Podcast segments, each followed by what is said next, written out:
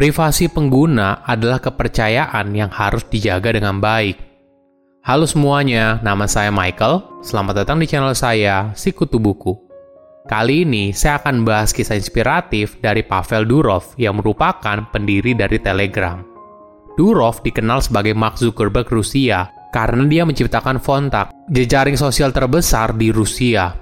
Sebagai informasi, saat ini Telegram memiliki 400 juta pengguna aktif setiap bulannya.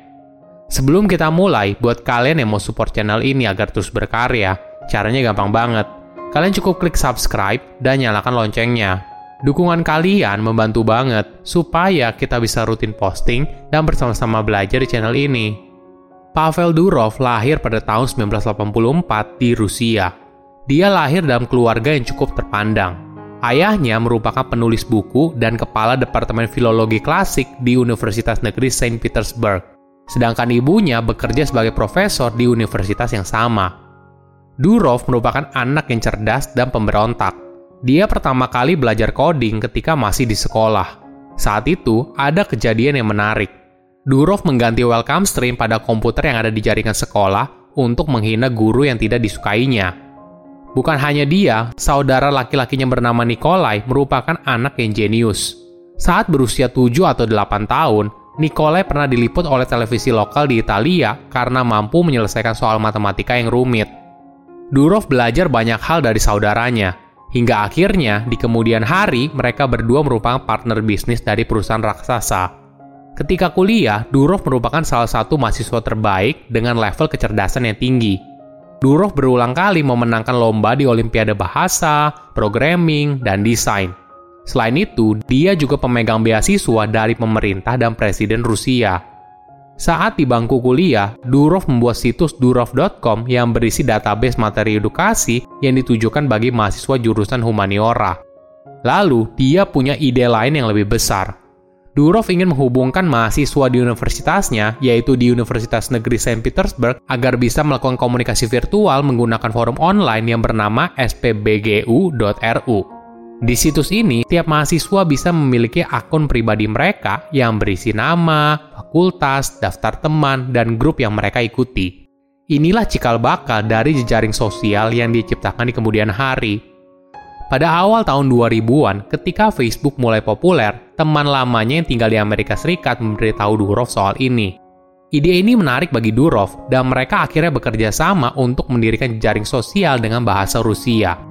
Hingga akhirnya pada tahun 2006, Durov membuat situs jaring sosial yang mirip seperti Facebook bernama Fontak dan sering kali juga disebut sebagai Facebook Rusia. Pada awalnya, situs ini hanya dibuka bagi undangan tertentu, namun akhirnya dibuka untuk umum. Situs ini langsung populer di kalangan anak muda di Rusia. Hingga pada tahun pertama diluncurkan, sudah ada lebih dari 3 juta orang yang bergabung dalam jejaring sosial tersebut. Kesuksesan ini membuat Durov mendapat investor pertamanya yang membeli 25% saham dari VK. Jejaring sosial VK bahkan digunakan untuk membuat halaman yang berisi profil politisi yang memperebutkan kursi parlemen pada tahun 2011. Masih di tahun yang sama, Durov bersih tegang dengan polisi Rusia karena pemerintah Rusia meminta Durov untuk menutup akses oposisi politisi. Permintaan ini lalu ditolak oleh Durov karena tidak sesuai dengan nilai yang dimiliki oleh perusahaannya. Hingga pada tahun 2012, perusahaan internet besar bernama Mail.ru yang dimiliki oleh Vantarin menawar harga untuk membeli VK dari Durov. Sebagai informasi, Mail.ru punya hubungan yang kuat dengan pemerintah Rusia. Permintaan ini langsung ditolak mentah-mentah. Namun pada akhir tahun 2013, Durov dipaksa untuk menjual 12% saham VK kepada Ivan. Dan pada tahun berikutnya, dia menjual keseluruhan saham VK kepada Mail.ru. Ada cerita menarik di balik pembuatan Telegram. Pada tahun 2011, pasukan khusus anti huru hara tiba-tiba berada di depan pintu rumahnya karena jejaring sosialnya yaitu VK saat itu digunakan untuk menggalang dukungan protes anti pemerintahan di Moskow. Kejadian ini mengejutkan Durov dan merasa kalau saat itu tidak ada jalur komunikasi yang aman, apalagi bila dia ingin berkomunikasi dengan keluarganya. Inilah yang menjadi dasar pembuatan Telegram. Selama dua tahun ke depan, Durov dan saudaranya fokus mengembangkan inskripsi unik yang menjadi fitur dasar aplikasi pesan Telegram. Fitur ini membuat para pengguna bisa berkomunikasi dengan tingkat keamanan yang sangat tinggi. Hingga akhirnya, pada tahun 2013, aplikasi Telegram resmi diluncurkan di iOS, lalu di Android, dan versi desktopnya, hingga yang terbaru yaitu versi web browser. Pada tahun 2014, Durov menolak untuk memberikan akses kepada pemerintah Rusia terhadap pesan enkripsi penggunanya di aplikasi Telegram. Posisi Durov membuat pemerintah Rusia marah. Mereka memberikan Durov dua pilihan, patuh pada aturan atau aplikasinya dilarang di Rusia. Durov pun tetap pada pendiriannya, sehingga berdasarkan putusan pengadilan di Rusia, aplikasi Telegram diblokir. Perselisihan antara Durov dan pemerintah Rusia membuat Durov memutuskan untuk meninggalkan Rusia dengan kekayaan mencapai 300 juta dolar.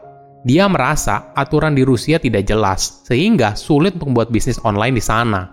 Menariknya, blokir itu bisa dibilang tidak efektif, karena pengguna aplikasinya di Rusia pasti akan menemukan cara untuk mengakses aplikasi tersebut. Menyadari hal tersebut, akhirnya pemerintah Rusia menghapus blokirnya pada tahun 2020 setelah Telegram mengklaim kalau aplikasinya sekarang sudah mampu mendeteksi dan menghapus grup ekstremis. Hingga akhirnya, sekarang kurang lebih ada 30 juta pengguna aktif bulanan Telegram di Rusia. Maklum saja, beberapa tahun lalu, Telegram sempat dibuat heboh karena merupakan aplikasi pesan favorit grup teroris dan ekstremis. Durov boleh dibilang adalah tipe orang yang unik dia sangat menyukai kebebasan dan privasi. Dia jarang sekali menerima wawancara media. Selain itu, dia hidup nomaden dan rutin berpindah negara. Tim developernya juga ikut berpindah-pindah. Mulai dari awalnya di Berlin, kemudian pindah ke London, lalu ke Singapura, hingga terakhir sekarang berada di Dubai.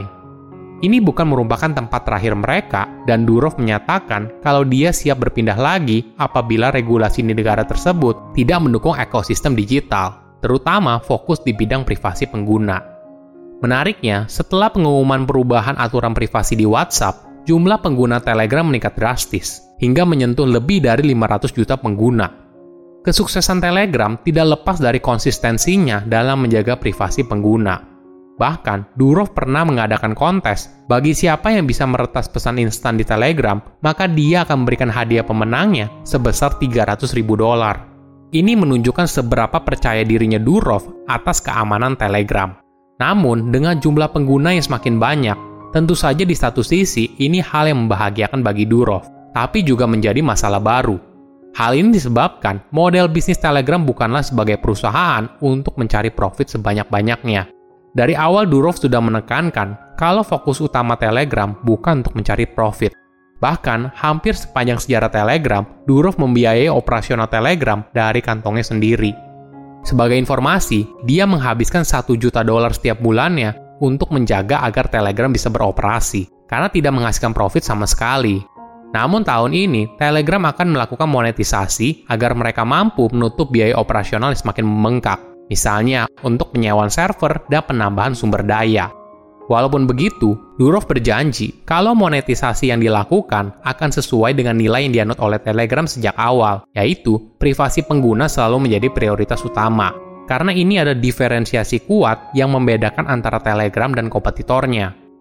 Bisnis yang sukses memiliki nilai kuat yang dipegang teguh oleh pendirinya dan diresapi oleh setiap karyawan di dalamnya.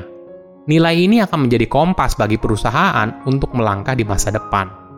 Silahkan komen di kolom komentar pelajaran apa yang kalian dapat ketika tahu informasi ini. Selain itu, komen juga mau tahu informasi apa lagi yang saya review di video berikutnya.